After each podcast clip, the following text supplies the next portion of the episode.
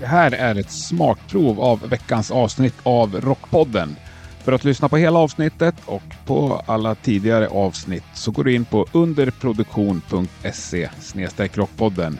För ynka 29 kronor i månaden så får du ett nytt avsnitt varenda torsdag. Precis som vanligt. Hoppas vi hörs. Ju fler vi blir där, ju roligare blir det. Eller ja, ju gladare blir jag i alla fall. Då blir det också bättre avsnitt. Ha det bäst. Tack och hej.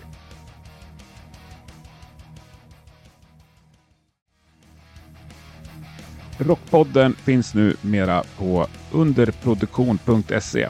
Eller ja, den går ju att lyssna på på alla poddappar, men du behöver gå in dit och registrera dig. För 29 ynka kronor per månad så kan du sedan lyssna på precis allt som släpps. Gör det. Nya avsnitt kommer varje torsdag precis som vanligt. Underproduktion.se snedstreck rockpodden. Vi hörs!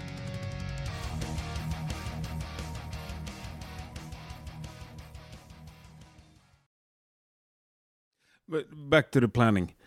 Do you also like have a specific month, like October, November, twenty five? We we we won't do anything with Maiden, so you know that you can book stuff. Oh yeah, no, I, I do. I, I I mean, I know that for I know what those months are for 2025. Yeah. and I I saw the the big opening that we had, you know, this year, and I said, well, that's a that's a great time to release the album, uh, and let's do a tour. And the tour turned into a monster.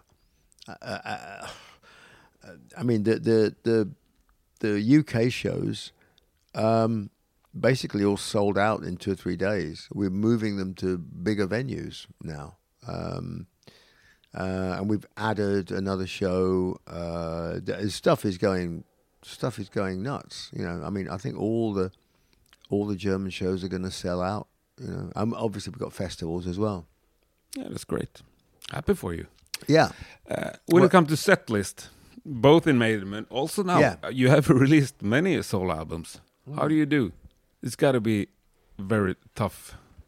Well, um, in a way, this fact that I haven't been touring for I don't know how many bloody years, a long year, number of years, makes life a little bit easier because I'm figuring that probably people are going to want to hear stuff from uh, a couple of tunes from Balls to Picasso, obviously Tears of the Dragon.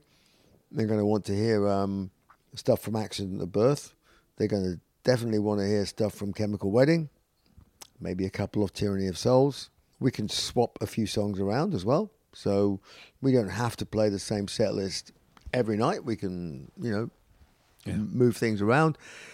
And of course, I've got to play, you know, I want to play um, four songs off this album. Yeah. Would you really have wanted to play the whole new album, or four songs? Is that is that a compromise with the audience, or is it what you really want? No, no, no, no. It's not a compromise. With, it's not. No, I, I don't. I don't say it's a compromise with the audience. Um, I just think it's a, it's a little, it's a little unfair to uh, to ask people to turn up when you haven't played for 14 years and, and not play some songs that they would like to hear. You know. Yeah, okay. I get it. um, and and you know uh, as well if if the album really really really blows people's minds you can do that you can go out and you say we're going to do the whole thing yeah. uh, but then you'll you'll know by then what the demand is and what people's um, what people's response would be you know so uh, yeah Because you have to play Many Doors to Hell. oh we're going to play that anyway that's Yeah. we're going to play that for sure yeah you have to play Shadow of Gods, Shadow of the Gods. we're probably not going to play that I love that one. Yeah, I love that That's one too. heavy. Yeah, I love that one too. But Yeah. I, I, I want to prepare something very special in terms of a show uh, for that. But but when it comes to Iron Maiden then for set list, that's got to be an impossible puzzle to to make. Uh, I think we did pretty good on the set list, the Somewhere Back in Time set list. Yeah? Yeah. Um, and as for a set list for a tour after Somewhere Back in Time, I couldn't possibly comment, but I think that we've done a pretty good job. yeah, yeah. But I mean, who who who makes the decisions? Oh, we chuck ideas around. I mean, we we start um, sketching ideas. We started sketching ideas out for 2025 back in 2020. Yeah. And now we have all this uh, 30 years from that and 20 years celebration yeah, of that. yeah, album. exactly. Yeah, it's, it's all coming round. Yeah. Pretty soon it'll be 50 years of us. Yeah. But I, I'm looking forward to the Live After Death celebration. Ah, It's one of my most important albums from my childhood. Yeah, yeah. God, when was that released? 85, 86? I can't remember. I mean, something like that. yeah. Yeah. One of the best live albums ever made, I think. Oh, okay. It's complete. Yeah. Yeah, I listened to it on the way here also. It still is great. Oh, well, that's good. and I, like mean, it, uh, it's so many. Maybe this is. Oh, it can't be only for me, but like in Revelations after the song, somebody in the audience scream "motherfuckers." That's like if I hear that song, not from the album, I miss that. I oh. miss that word. Oh, That's great. Okay, okay. Yeah. I, I had no idea. I haven't listened to that album for ages.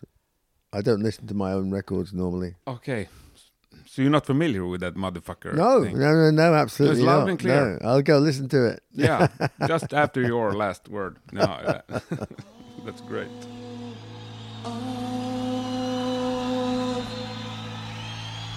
You